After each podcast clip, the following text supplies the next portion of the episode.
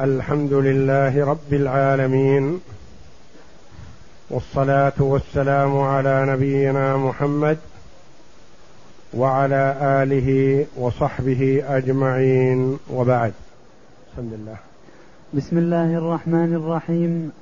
قال المؤلف رحمه الله تعالى باب الأذان.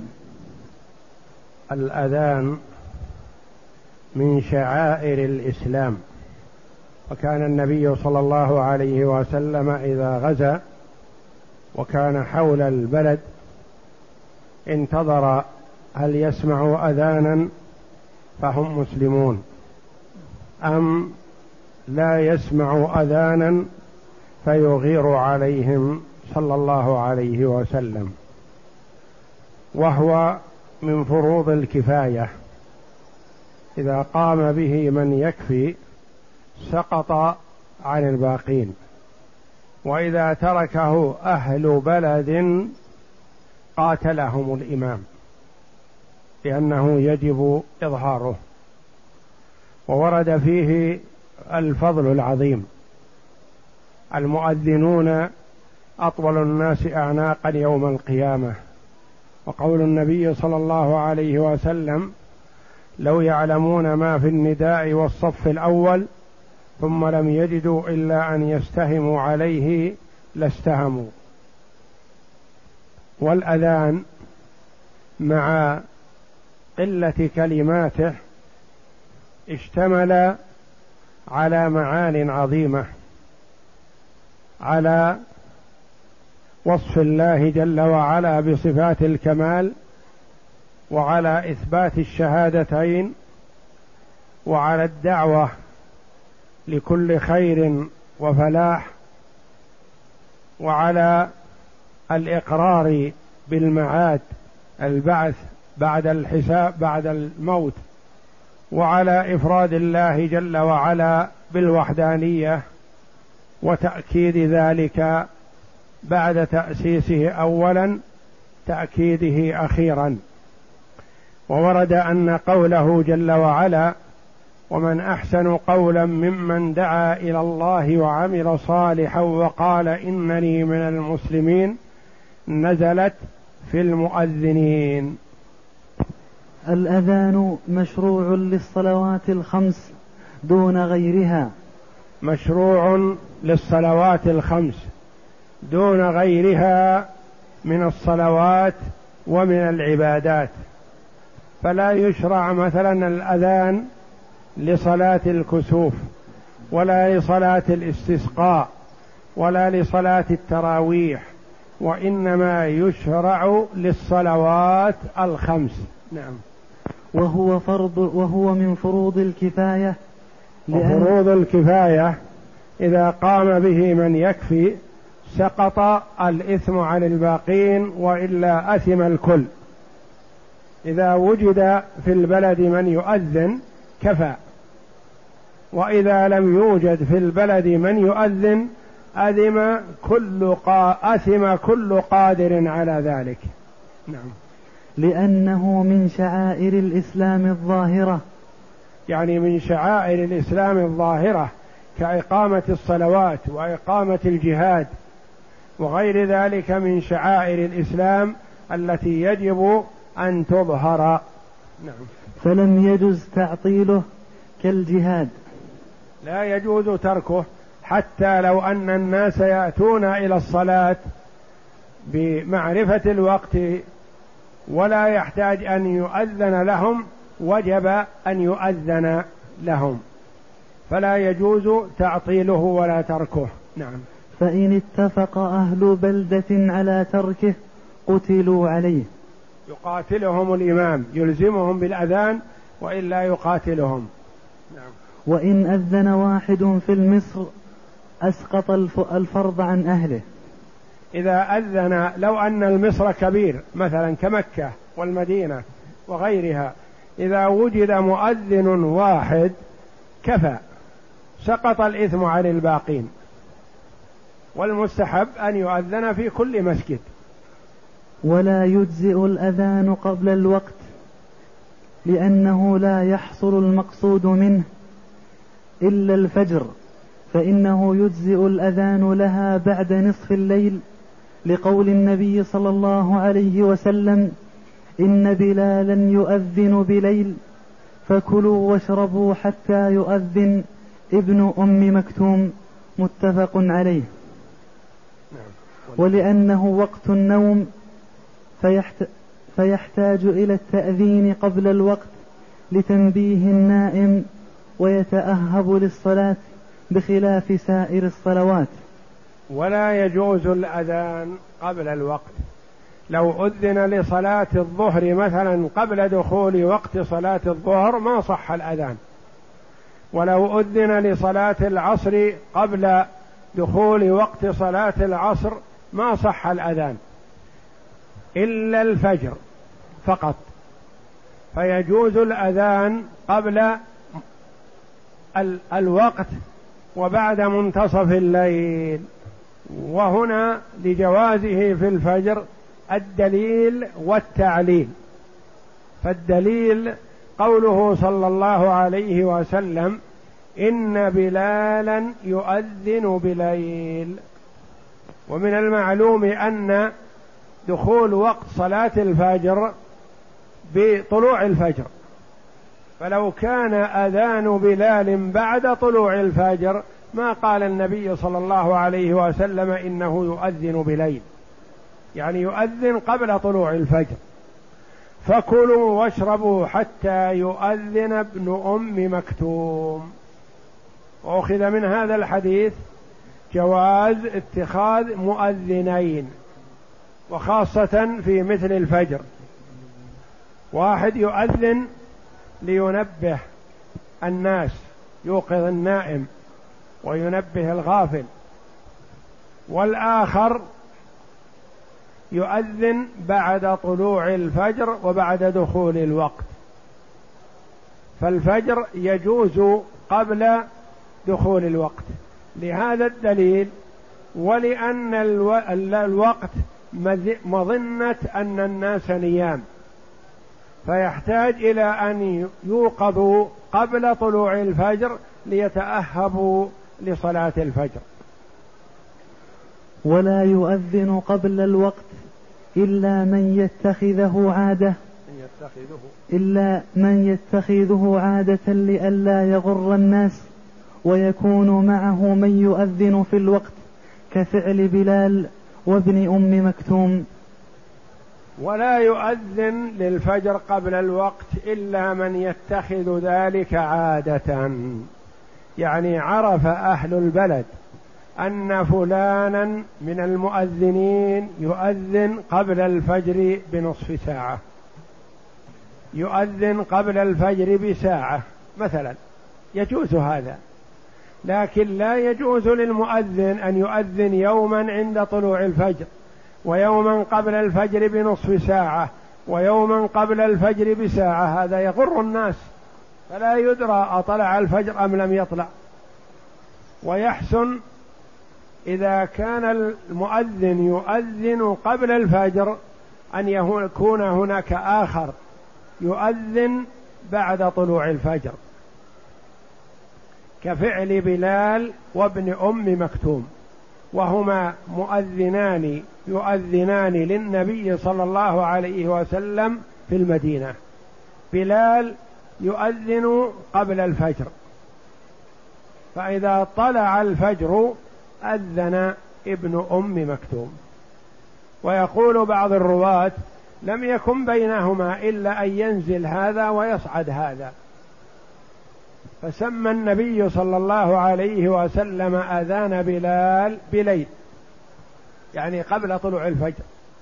فإذا سمعه المرء فلا يمتنع من أراد الصيام عن الأكل والشرب. فإذا أذن ابن أم مكتوم يتوقف الصائم عن الأكل والشرب لأنه يؤذن بعد طلوع الفجر. ولا يجوز تقديم الإقامة على الوقت لأنها تراد الافتتاح لأنها تراد لافتتاح الصلاة. وتفتتح قبل الوقت. ولا تفتتح, ولا تفتتح قبل الوقت. أما الإقامة فلا يجوز تقديمها قبل الوقت لا في الفجر ولا في غيره. لأن الغرض من الإقامة إشعار الناس بالقيام إلى الصلاة.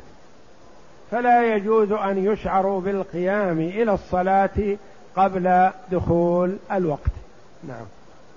فصل ويذهب أبو عبد الله رحمة الله عليه إلى أذان بلال رضي الله عنه الذي أريه عبد الله بن زيد رضي الله عنه كما روي عنه أنه قال لما أمر رسول الله صلى الله عليه وسلم بالناقوس ليضرب به للناس لجمع الصلاة طاف بي وأنا نائم رجل يحمل ناقوسا فقلت يا عبد الله أتبيع الناقوس؟ قال وما تصنع به؟ قلت ندعو به إلى الصلاة. قال أفلا أدلك على ما هو خير؟ خير من ذلك؟ فقلت له بلى. قال تقول الله أكبر الله أكبر الله أكبر الله أكبر. أشهد أن لا إله إلا الله. أشهد أن لا إله إلا الله أشهد أن محمد رسول الله أشهد أن محمد رسول الله. حي على الصلاة حي على الصلاة حي على الفلاح حي على الفلاح. الله أكبر الله أكبر لا إله إلا الله. قال ثم أس قال ثم استأخر. قال ثم استأخر عني غير بعيد. ثم قال ثم تقول إذا أقمت الصلاة الله أكبر الله أكبر أشهد أن لا إله إلا الله أشهد أن محمد رسول الله حي على الصلاة حي على الفلاح قد قامت الصلاة قد قامت الصلاة الله أكبر الله أكبر لا إله إلا الله. فلما أصبحت أتيت رسول الله صلى الله عليه وسلم فأخبرته بما رأيت فقال إنها لرؤيا حق إن شاء الله. فقم مع بلال فألق عليه ما رأيت فليؤذن به فإنه أندى صوتا منك رواه أبو داود. فهذا. صفة الأذان والإقامة المستحب. لأن بلالا كان يؤذن به حضرا وسفرا مع رسول الله صلى الله عليه وسلم إلى أن مات. ويذهب أبو عبد الله المراد به الإمام أحمد بن حنبل رحمة الله عليه إلى أذان بلال. دل هذا على أن في أذان بلال وفيه أذان غيره. أذان أبي محذورة في مكة. الذي أريه عبد الله بن زيد رضي الله عنه وذكر الحديث أن الصحابة رضي الله عنهم مع النبي صلى الله عليه وسلم تشاوروا كيف ينادون للصلاة فكره النبي صلى الله عليه وسلم الناقوس والبوق والنار لأنها لأهل الكتاب والمجوس وتفرقوا على ذلك فرأى عبد الله بن زيد رضي الله عنه هذه الرؤيا فأخبر بها النبي صلى الله عليه وسلم فقال إنها رؤيا حق. قم فألقه على بلال فإنه أندى منك صوتا. وكان عبد الله بن زيد رضي الله عنه حرص أن يؤذن هو لكن النبي صلى الله عليه وسلم أمره أن يلقيه على بلال لأن بلال أندى صوت يعني أبعد وأقوى صوتا من عبد الله بن زيد رضي الله عنهم. وهذه صفة أذان بلال رضي الله عنه. التكبير أربع والشهادتان أربع والدعوة إلى الصلاة والفلاح أربع والتكبير مرتين والختام بكلمة التوحيد لا إله إلا الله. خمس عشرة جملة. هذا الأذان. والإقامة إحدى عشرة جملة. هذا الذي اختاره الإمام أحمد رحمه الله واختاره جمع من العلماء وغالبهم المحدثون لأن هذا هو الثابت في أذان بلال رضي الله عنه وكان يؤذن مع النبي صلى الله عليه وسلم حضرا وسفرا. نعم. وإن رجع في الأذان أو ثن الإقامة فلا بأس لأن وإن رجع في الأذان الترجيع كأذان أبي محذورة رضي الله عنه. وأبو محذورة يخبر عن نفسه رضي الله عنه يقول لما رجع النبي صلى الله عليه وسلم من حنين وكان من أهل مكة أبو محذورة. خرجت أنا وعشرة إلى النبي صلى الله عليه وسلم. فلما قربنا منهم سمعنا الأذان. فأخذنا نؤذن نحن العشرة. نستهزئ بهم. يستهزئون بأذان الصحابة مع النبي صلى الله عليه وسلم. لأنه لم يدخل الإيمان في قلبه آنذاك. فسمع النبي صلى الله عليه وسلم أذانهم. أذان هؤلاء العشرة. وقال إن فيهم مؤذن ندي الصوت حسن الصوت. وأمر كل واحد منهم أن يؤذن ليميز هذا الصوت الذي سمعه صلى الله عليه وسلم من بعد. يقول فأذنوا فكنت أنا آخرهم. فأثنى النبي صلى الله عليه وسلم على أذانه ويقول مسح بناصيتي ودعا لي وقال اذهب فأذن عند البيت الحرام فعينه النبي صلى الله عليه وسلم مؤذنا في مكة. فبقي في الأذان رضي الله عنه إلى أن مات. عام سبع وخمسين من الهجرة. وكان الأذان في عقبه إلى فترة طويلة بعده. ولده وولد ولده يؤذنون. ويروى أن معاوية رضي الله عنه لما جاء إلى مكة أحضر معه مؤذنا يؤذن فجاءه أبو محذورة فأخذه لما أراد أن يؤذن أخذه ورماه في زمزم. رضي الله عنه لأنه لا يحب أن يؤخذ هذه الوظيفة الشريفة من التي عينه فيها النبي صلى الله عليه وسلم. فأقره الخلفاء رضي الله عنهم على الأذان هو وذريته من بعده ببركة دعوة النبي صلى الله عليه وسلم له. وترجيعه أمره النبي صلى الله عليه وسلم بالترجيع كان في الشهادتين. يكبر التكبيرات الأربع. ثم يقول أشهد أن لا إله إلا الله. ثم يرفع صوته. ثم يقول أشهد أن لا إله إلا الله.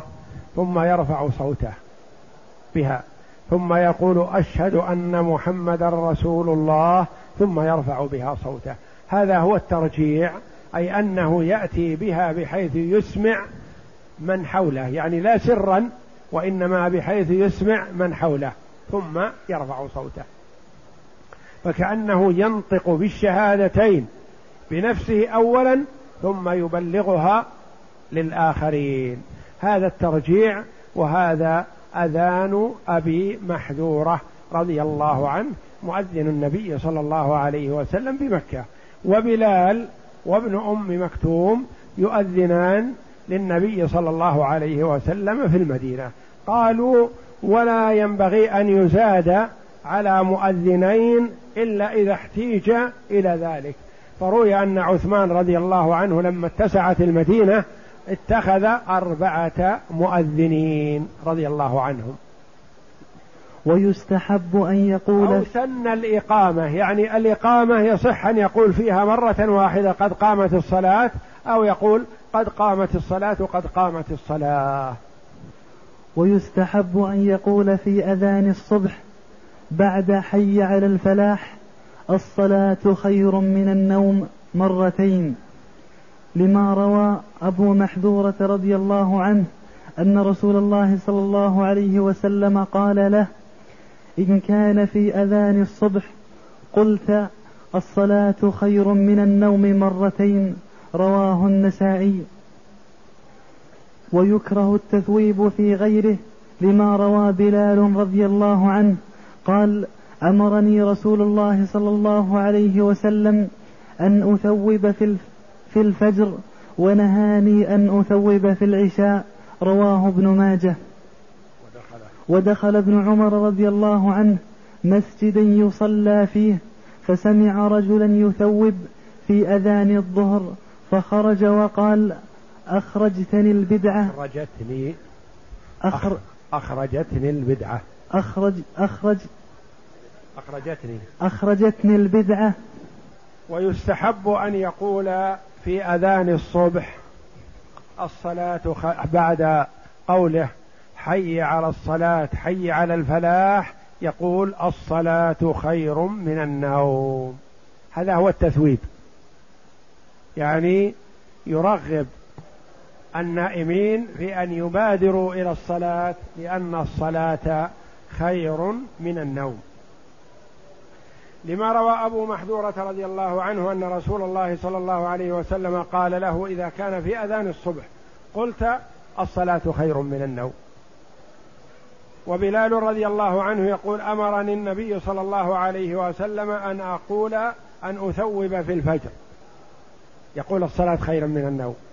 ونهاني عن أن أثوب في العشاء. يعني لا يصح أن أثوب في غير الفجر. لا أقول في أذان العشاء الصلاة خير من النوم لأن الناس مستيقظون. ودخل ابن عمر عبد الله رضي الله عنه وأرضاه وعن أبيه يقول دخل ليصلي في مسجد. فأذن المؤذن وقال في صلاة الظهر الصلاة خير من النوم. فخرج رضي الله عنه ولم يصلي في هذا المسجد. فقيل له فقال أخرجتني البدعة. لأن إذا ثوب المرء في غير صلاة الفجر فقد ابتدع. لأن السنة التثويب في صلاة الفجر فقط. فإذا ثوب في صلاة الظهر أو في صلاة العصر أو في صلاة العشاء فقد ابتدع ما لم يشرعه النبي صلى الله عليه وسلم. فصل ويسن الأذان للفائتة لأن النبي صلى الله عليه وسلم فاتته الصبح فقال يا بلال قم فأذن ثم صلى ركعتين ثم أقام ثم صلى الغداة. متفق عليه. يعني يصلى للصلوات يؤذن للصلوات الخمس سواء كانت حاضرة أو فائتة. ما يقال إنه فات الوقت فلا يحتاج أن نؤذن لا. ما دام الناس لم يصلوا بعد ويراد منهم أن يحضروا للصلاة فيؤذن. ثم بحسب الحال إن كان يؤذن للمجموعة ككل فيرفع صوته حتى وإن كان بعد طلوع الشمس لصلاة الفجر. وإن كان أذان فائتة بالنسبة له أو لمجموعة قلة من الناس فيؤذن بحيث يسمعون ولا يشوش على الآخرين. أما إذا كان في البرية فيؤذن متى أرادوا الصلاة. سواء كان في وقت المغرب أو في وقت العشاء أو في وقت الظهر أو في وقت العصر أو بينهما. يؤذن في عندما يريدون الصلاة ويرفع صوته لأنه لا يشوش حينئذ على أحد. والدليل على ذلك أن النبي صلى الله عليه وسلم لما غلبه النوم مع الصحابة في صلاة الفجر في أذان الفجر. لما باتوا متأخرين طلب النبي صلى الله عليه وسلم من أحد الصحابة أن يحرسهم ليوقظهم لصلاة الفجر لأنهم تأخروا في النوم يسيرون في الطريق. فالتزم أحد الصحابة رضي الله عنهم أن يوقظ النبي صلى الله عليه وسلم عند طلوع الفجر. فأخذه النوم لحكمة يريدها الله جل وعلا وليشرع الله جل وعلا لعباده على لسان رسوله صلى الله عليه وسلم. فأخذهم النوم أخذه معهم النوم فلم يستيقظوا إلا بحر الشمس. فاستيقظ أحد الصحابة رضي الله عنهم والنبي صلى الله عليه وسلم نائم. فمن احترامهم له ومهابتهم له ولا يدرون عن حاله قد يكون عند ربه جل وعلا. قد يكون عرج به قد يكون يوحى إليه. فما كانوا ينقذونه أو يتعرضونه إذا كان نائم عليه الصلاة والسلام. حتى استيقظ عمر رضي الله عنه وكان قوي وشجاع. أخذ يكبر يكبر. حتى استيقظ النبي صلى الله عليه وسلم بتكبير عمر رضي الله عنه بعدما ارتفعت الشمس. فنظر النبي صلى الله عليه وسلم فقال للحارس أين أنت؟ قال يا رسول الله أخذني الذي أخذكم النوم. فأمر النبي صلى الله عليه وسلم بالرحيل من هذا المكان فما قدموا قليلا ثم أمر صلى الله عليه وسلم بلالا فأذن بعد طلوع الشمس وارتفاعها وحرارتها. أذن لصلاة الفجر. ثم أقام. ثم تقدم النبي صلى الله عليه وسلم وصلى.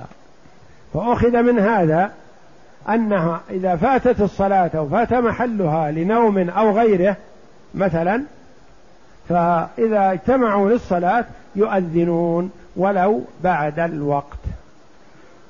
وإن كثرت الفوائت أذن وأقام للأولى ثم أقام للتي بعدها لما روى ابن مسعود رضي الله عنه أن المشركين شغلوا رسول الله صلى الله عليه وسلم عن أربع صلوات حتى ذهب من الليل ما شاء الله ثم أمر بلالا فأذن ثم أقام فصلى الظهر ثم أقام فصلى العصر ثم أقام فصلى المغرب ثم أقام فصلى العشاء رواه الأثرم.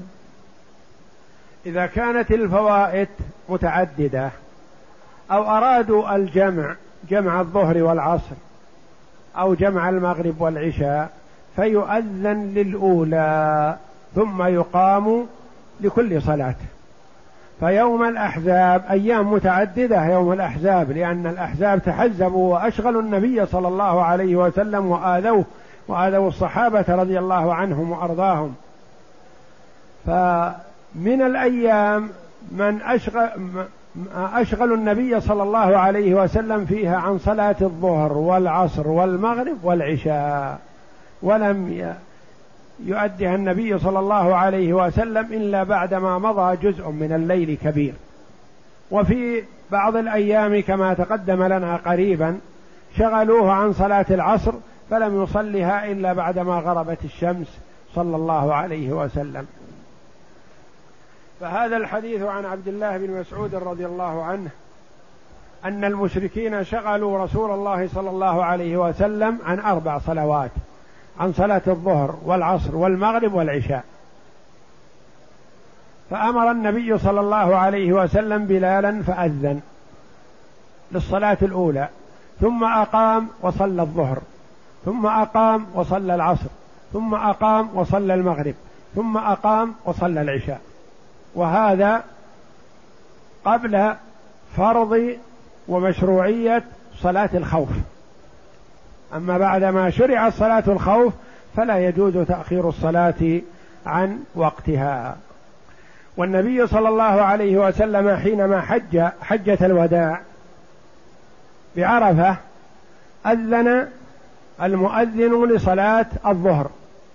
ثم أقام وصلى الظهر ثم أقام وصلى العصر.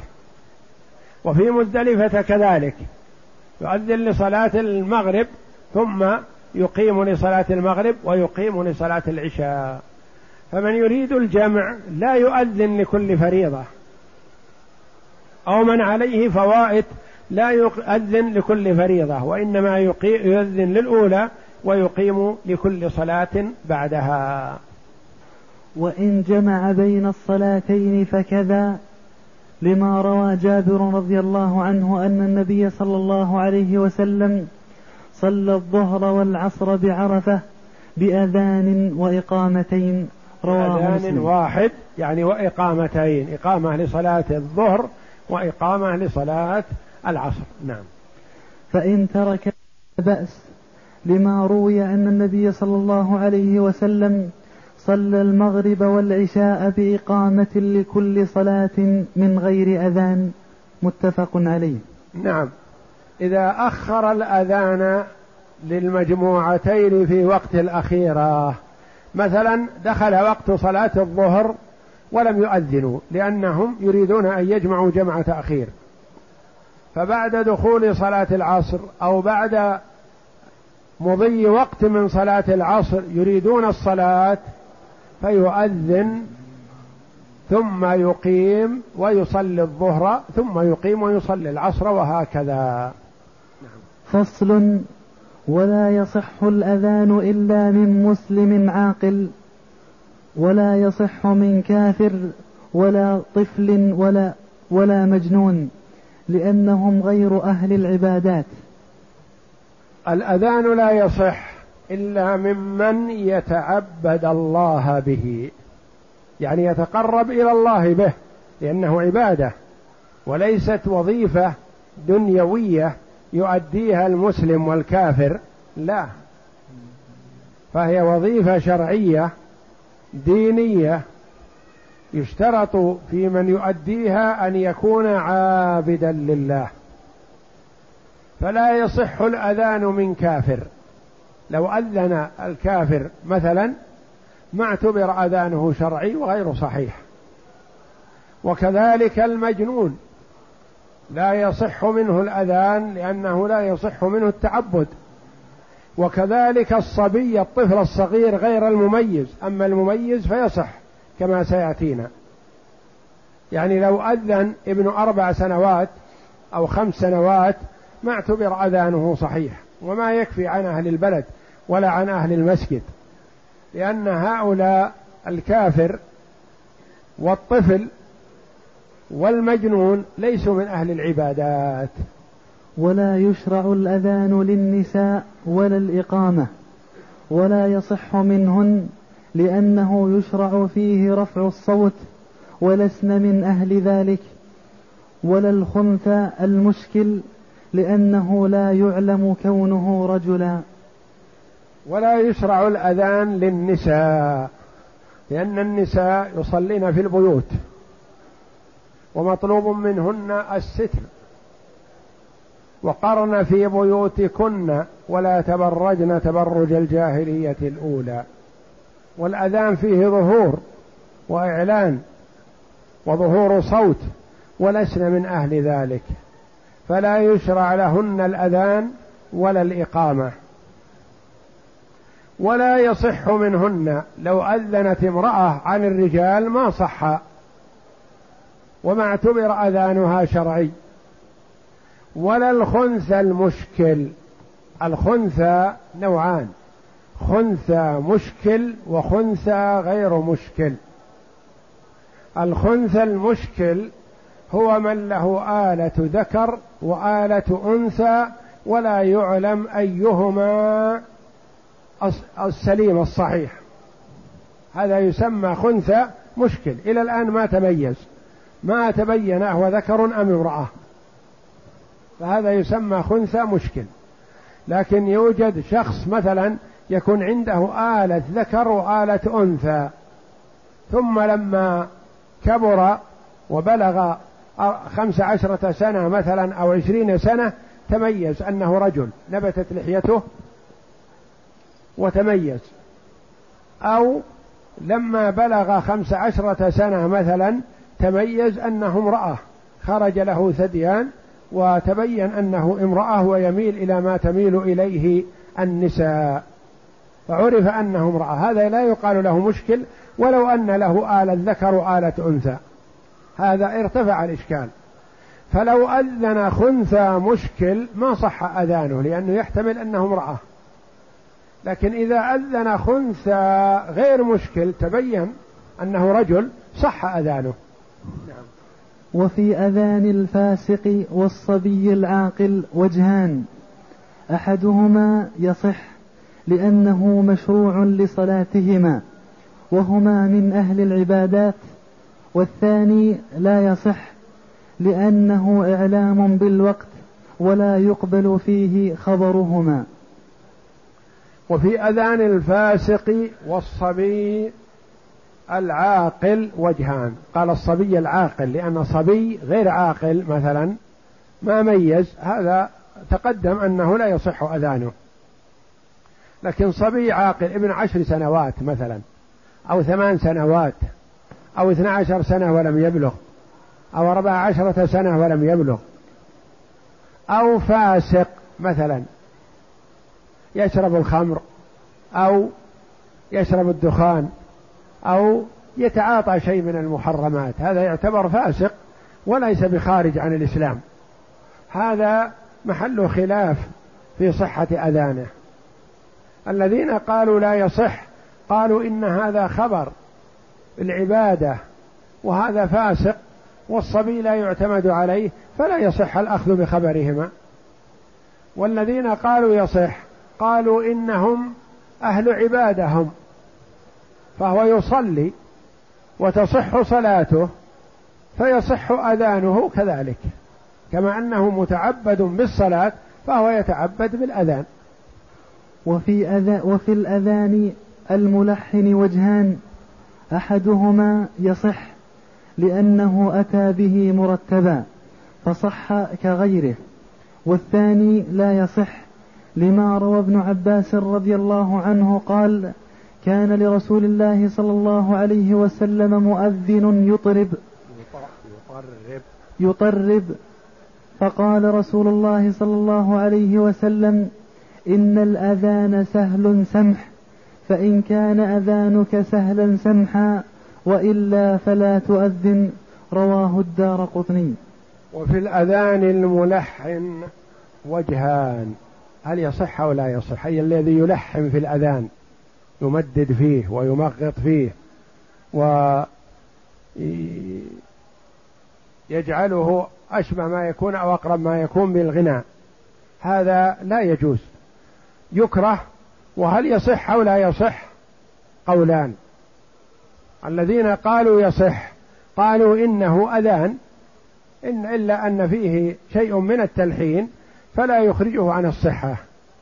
والذين قالوا لا يصح قالوا إن النبي صلى الله عليه وسلم أذن له مؤذن يطرب يعني يلحن.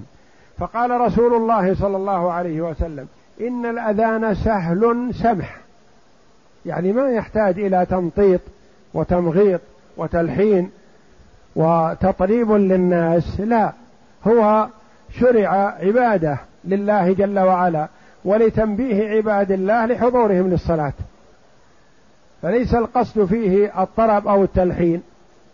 فإن كان أذانك سهلا سمحا وإلا فلا تؤذن. لأنه يأثم بتأذينه إذا أذن وهو يطرب ويلحن. وإنما المفروض أن يلقي الألفاظ ويعطيها ما تستحق من المخارج ولا يلحن فيه. ولا يضيع التلذذ بالأذان وفائدته بتلحينه وتطريبه. فهو اشتمل على معان عظيمة وإلى دعوة إلى توحيد الله وإلى شهادة أن محمدا رسول الله وإلى دعوة إلى الصلاة والفلاح.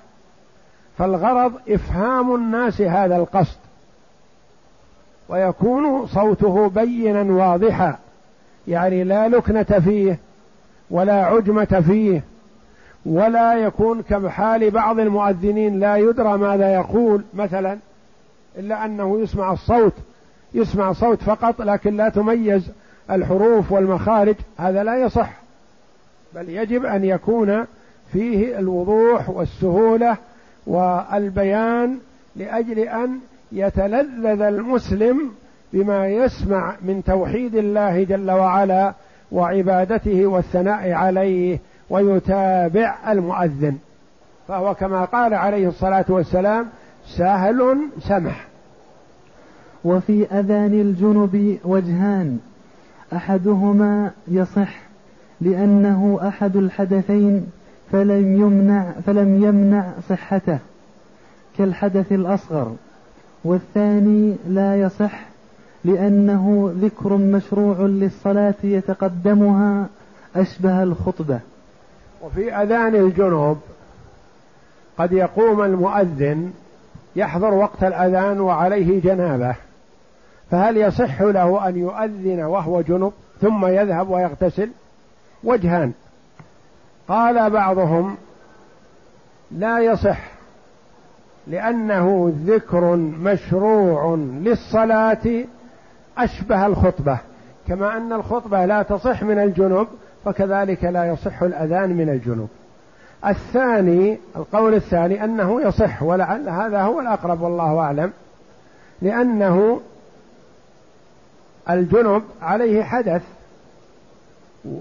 والحدث حدثان حدث أكبر وهو الموجب للاغتسال وحدث أصغر وهو الموجب للوضوء والحدث الأصغر يصح معه الأذان بلا خلاف. لأن الأفضل أن يكون متوضئ لكن لو أذن وهو على غير وضوء مثلا استيقظ من النوم ثم ذهب وأذن ثم عاد وتوضأ فلا بأس. والأقرب والله أعلم أن أذان الجنوب صحيح لأنه لا يؤثر على أذانه ولحق الجنوب أن يذكر الله جل وعلا وأن يشهد أن لا إله إلا الله وأن محمد رسول الله وينادي بالخير ثم له أن ثم يغتسل بعد ذلك. فصل ويستحب للمؤذن أن يكون أمينا لأنه مؤتمن على الأوقات صيتا يكون أمينا لأنه مؤتمن على الأوقات لأن غير الأمين قد يغر الناس يؤذن قبل الوقت مثلا أو يتأخر في التأذين حتى يخرج أو يذهب معظم الوقت فيفوت على كثير من المسلمين الصلاة في وقتها أو ربما أوقعوها في قبل وقتها مثلا بغش منه. إنه إذا كان فاسق كما تقدم لنا أنه لا ينبغي أن يكون مؤذنا. صيتا لأن النبي صلى الله عليه وسلم قال لعبد الله بن زيد ألقه على بلال فإنه أندى صوتا منك. صيتا يعني عالي الصوت لأن الغرض من الأذان التنبيه تنبيه البعيد للصلاة. فإذا كان الصوت ضعيف ما حصل المقصود منه. ولأن النبي صلى الله عليه وسلم مع أن عبد الله بن زيد رضي الله عنه هو الذي رأى الأذان كان يكون أحق به. لكن النبي صلى الله عليه وسلم فضل عليه بلال لأنه أندى منه صوتا. نعم. ولأنه أبلغ في الإعلام المقصود بالأذان وأن يكون عالما بالوقت. يكون عالم بالوقت. لا يؤذن شخص ما يعرف الأوقات فربما أوقع الأذان خارج الوقت قبل أو بعد. نعم. ليتمكن من الأذان في أولهما وأن يكون بصيرا لأن الأعمى لا يعلم إلا أن يكون معه بصيرا يؤذن قبله كبلال مع ابن أم مكتوم. ويستحب أن يكون بصيرا يعني يرى علشان يرى طلوع الفجر مثلا فيؤذن لطلوع الفجر. يرى الزوال فيؤذن لصلاة الظهر. يرى متى يكون ظل كل شيء مثليه فيؤذن للعصر. وهكذا حتى يعرف الأوقات. يرى غروب الشمس فيؤذن إذا غربت أن يكون بصيرا. وإن كان أعمى فلا بأس لكن يحسن أن يكون معه بصير لأن ابن أم مكتوم يؤذن للنبي صلى الله عليه وسلم وهو أعمى لأن بلالا يؤذن قبله. فإن تشاحا إثنان في الأذان قدم أكملهما في هذه الخصال. لأن النبي صلى الله عليه وسلم قدم بلالا على عبد الله بن زيد لكونه أندى صوتا وقسنا عليه باقي الخصال. نعم. فإن تشاحا يعني اثنان كل واحد يريد أن يؤذن. نقرع بينهم؟ لا. ننظر. أذن يا هذا وأذن يا هذا وننظر. وجدنا أذان هذا أندى صوت أبعد نقول أنت أحق. تشاح اثنان واحد تقي رجل صالح محافظ على الطاعات وآخر واقع في شيء من المحرمات نقول لا هذا أفضل منك. الرجل الصالح أفضل. تشاح اثنان استويا في الصلاح وفي الصوت وغير ذلك من الصفات. ماذا نعمل؟ نقرع بينهم. أما إذا وجدت خصلة تميز أحدهما عن الآخر فلا نقرع ربما خرجت القرعة لضعيف الصوت ماذا نستفيد منه؟ فإن استويا في ذلك أقرع بينهما. لقول رسول الله صلى الله عليه وسلم لو يعلم الناس ما في النداء والصف الأول ثم لم يجدوا إلا أن يستهموا عليه لاستهموا متفق عليه. لقول النبي صلى الله عليه وسلم لو يعلم الناس ما في النداء والصف الأول لو يعلمون ما فيهما من الفضل ثم لم يجدوا إلا أن يستهموا لاستهموا. يعني يتسابقون ويتساهمون يقرع بينهم.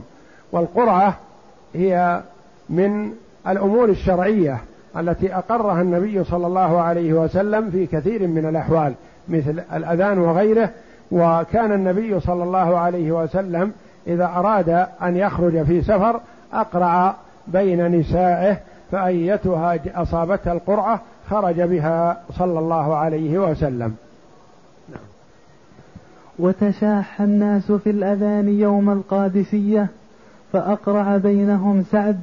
سعد بن أبي وقاص رضي الله عنه. كان أمير الجيش. نعم. وعنه يقدم من يرضاه الجيران لأن الأذان لإعلامهم فكان لرضاهم أثر في التقديم. يعني إذا استووا في الصفات قالوا أحسن لا نقرع بينهم وإنما نستشير الجيران لأنهم ربما اطمأنوا إلى واحد دون الآخر. وغالبا المؤذن يصعد. إلى فوق. فالجيران يفضلون الرجل العفيف الذي يغض بصره إذا ارتفع بخلاف من ينظر يمينا وشمالا ربما اطلع على عوراتهم. فإذا اختار الجيران شخصا قدم على غيره. نعم. ولا بأس أن يؤذن اثنان أحدهما بعد الآخر لأن النبي صلى الله عليه وسلم كان يؤذن له بلال وابن أم مكتوم إذا نزل هذا طلع هذا. ولا يسن أكثر من هذا إلا أن تدعو إليه حاجة فيجوز. لأن عثمان رضي الله عنه اتخذ أربعة مؤذنين. ولا بأس أن يؤذن أكثر من واحد في المسجد الواحد. يؤذن أحدهم ثم يؤذن الآخر بعده ولا يؤذنان في وقت واحد يشوش على السامعين ولا يدرون مع من يتابعون وإنما يكون أحدهما بعد الآخر. إذا انتهى الأول قام الآخر وأذن لأجل أن يتنبه الناس. من لم يتنبه بالمؤذن الأول يتنبه بالمؤذن الثاني. ولا ينبغي الزيادة على اثنين في المسجد الواحد. قالوا إلا إن دعت الحاجة كأن يكون الاثنان لا يكفيان لتنبيه الناس فيتخذ أكثر من ذلك كما اتخذ عثمان رضي الله عنه وأرضاه أربعة مؤذنين. وهو الذي شرع الأذان الأول لصلاة الجمعة رضي الله عنه لما كثر الناس في المدينة لأنه كان في عهد النبي صلى الله عليه وسلم وخلافة أبي بكر الصديق وعمر رضي الله عنهم وأرضاهم مؤذن واحد. إذا دخل الخطيب الإمام لصلاة الجمعة قام وأذن. فلما كثر الناس وانشغلوا أمر عمر عثمان رضي الله عنه بالأذان الأول قبل الأذان الذي يكون بين يدي الخطيب ليتنبه الناس وليحضروا لصلاة الجمعة. فصل يستحب أن يؤذن قائما لقول النبي صلى الله عليه وسلم لبلال قم فأذن ولأنه أبلغ في الإسماع وإن أذن قاعدا أو راكبا في السفر جاز لأن الصلاة آكد منه وهي تجوز كذلك. يستحب أن يكون المؤذن قائما لا يؤذن وهو جالس. فإن أذن وهو جالس فيصح. فلا بأس لأن الصلاة عند الحاجة يصلي المرء وهو جالس فكذلك الأذان لا بأس أن يؤذن وهو جالس. وخاصة في هذه الأزمنة مع مكبرات الصوت فلا بأس أن يؤذن وهو جالس لأنه يستويان في خروج صوته سواء كان قائما أو جالسا إلا أن أذانه قائم أفضل لأنه السنة. وأن يؤذن على موضع عال لأنه أبلغ في الإعلام وروي أن بلالا رضي الله عنه كان يؤذن على سطح امرأة. وأن يؤذن على موضع عال لأن المنارات ما اتخذت إلا في عهد معاوية رضي الله عنه وإلا كان المؤذنون يؤذنون على سطح المسجد و أو يؤذنون على سطح بيت يكون أعلى البيوت. كما كان بلال رضي الله عنه يؤذن على سطح بيت امرأة من الأنصار رضي الله عنها. تقول كان بيتي أطول البيوت. فاختير سطح بيتها ليصعد عليه بلال فيؤذن عليه رضي الله عنهم. وذلك قبل أن يبني النبي صلى الله عليه وسلم مسجده فلما بني المسجد واكتمل أذن على سطح المسجد. واستمر هكذا ولم يكن الناس اتخذوا المنارات وإنما اتخذت في عهد معاوية رضي الله عنه. ويرفع صوته لما روى, لما روى أبو هريرة عن النبي صلى الله عليه وسلم أنه قال المؤذن يغفر له مدى صوته ويشهد له كل رطب ويابس رواه أبو داود. ولا, ولا يجتهد نفسه ولا يجهد نفسه فوق طاقته لئلا ينقطع صوته ويؤذي نفسه. ويسن أن يرفع صوته لأن الغرض من الأذان أولا الإعلام. والإعلام برفع الصوت أوضح وأجلى. ولأن المؤذن يغفر له مدى صوته ويشهد له كل رطب ويابس بتوحيده وشهادته يشهد له بالتوحيد لأنه أعلن أمام الملأ بشهادة أن لا إله إلا الله وأن محمد رسول الله. ولا يجهد نفسه. يعني لا يشق على نفسه برفع الصوت فينقطع صوته أو يتأثر أو يضره لا وإنما يؤذن بقدر ما يستطيع من رفع الصوت بدون مشقة. وإن أذن لفائتة أو لنفسه في مصر لم يجهر لأنه لا يدعو أحدا. وإن أذن لصلاة فائتة أو أذن لنفسه هو مثلا فلا يجهد نفسه. مثلا إذا تأخر عن الصلاة وفاتته الصلاة في المسجد وأراد أن يصلي هو وأولاده ويؤذن مثلا فيؤذن بحيث يسمع من في البيت. ولا يرفع صوته عاليا فيسمع الناس من خارج البيت فيشوش عليهم ويقولون ما هذا؟ وربما غر في مصر يعني في بلد.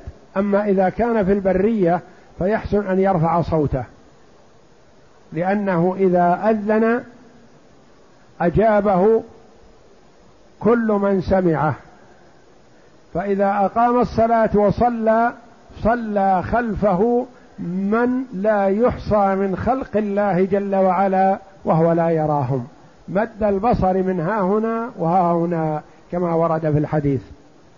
ويستحب للإنسان إذا كان في سفر وحضر وقت الصلاة أن يؤذن ويرفع صوته. ولا يقول أنا وحدي ما يحتاج أرفع صوتي بل يرفع صوته لأن خلق الله جل وعلا يسمعونه ويجيبونه ويصلون معه. نعم. وربما غر الناس وإن كان في وإن كان في الصحراء جهر في الوقت فإن أبا سعيد قال إذا كنت في غنمك أو باديتك فأذنت فارفع صوتك فإنه لا يسمع مدى صوت المؤذن جن ولا إنس ولا شيء إلا شهد له يوم القيامة. سمعته من رسول الله صلى الله عليه وسلم رواه البخاري. نعم. ويستحب. ويستحب أن يؤذن متوضئا لأن أبا هريرة قال لا يؤذن إلا متوضئ.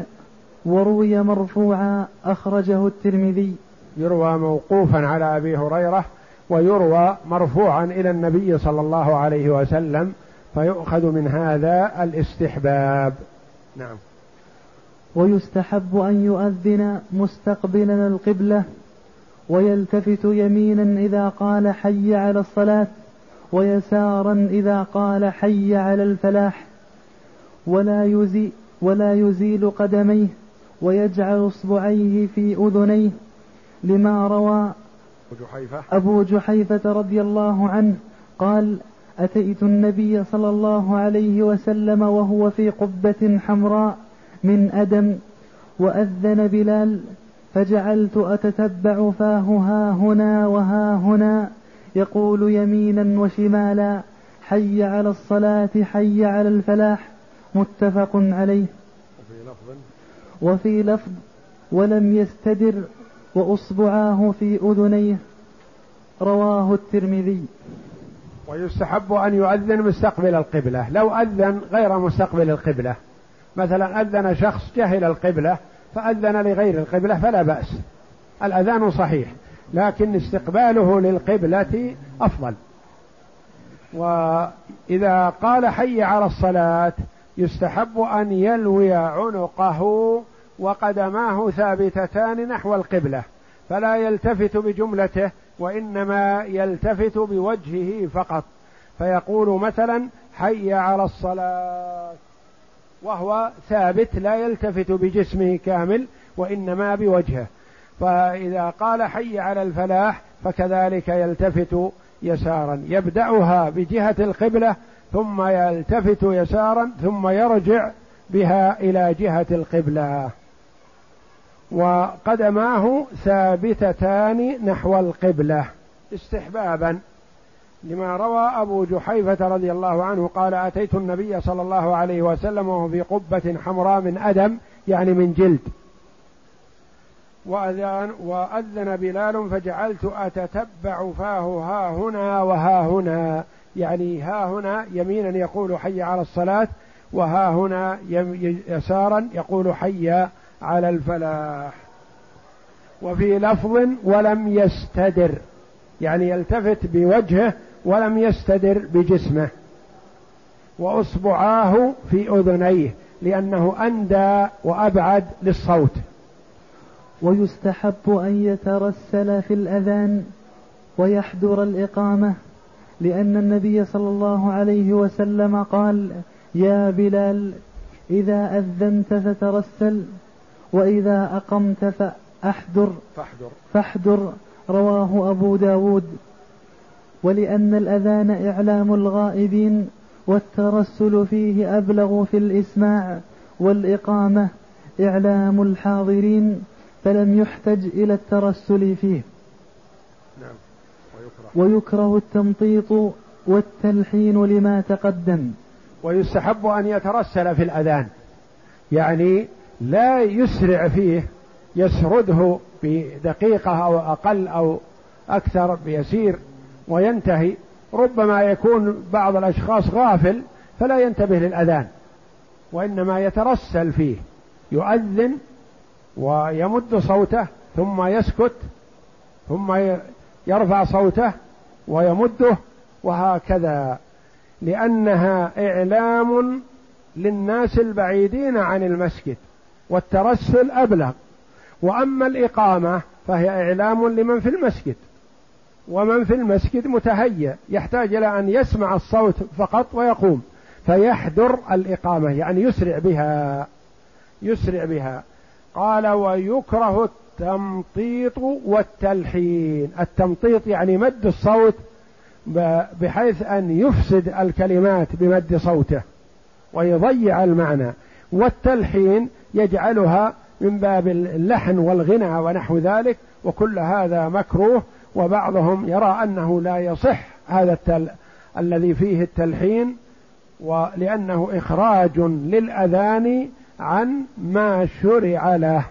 والله أعلم. وصلى الله وسلم وبارك على عبد ورسول نبينا محمد وعلى آله وصحبه أجمعين.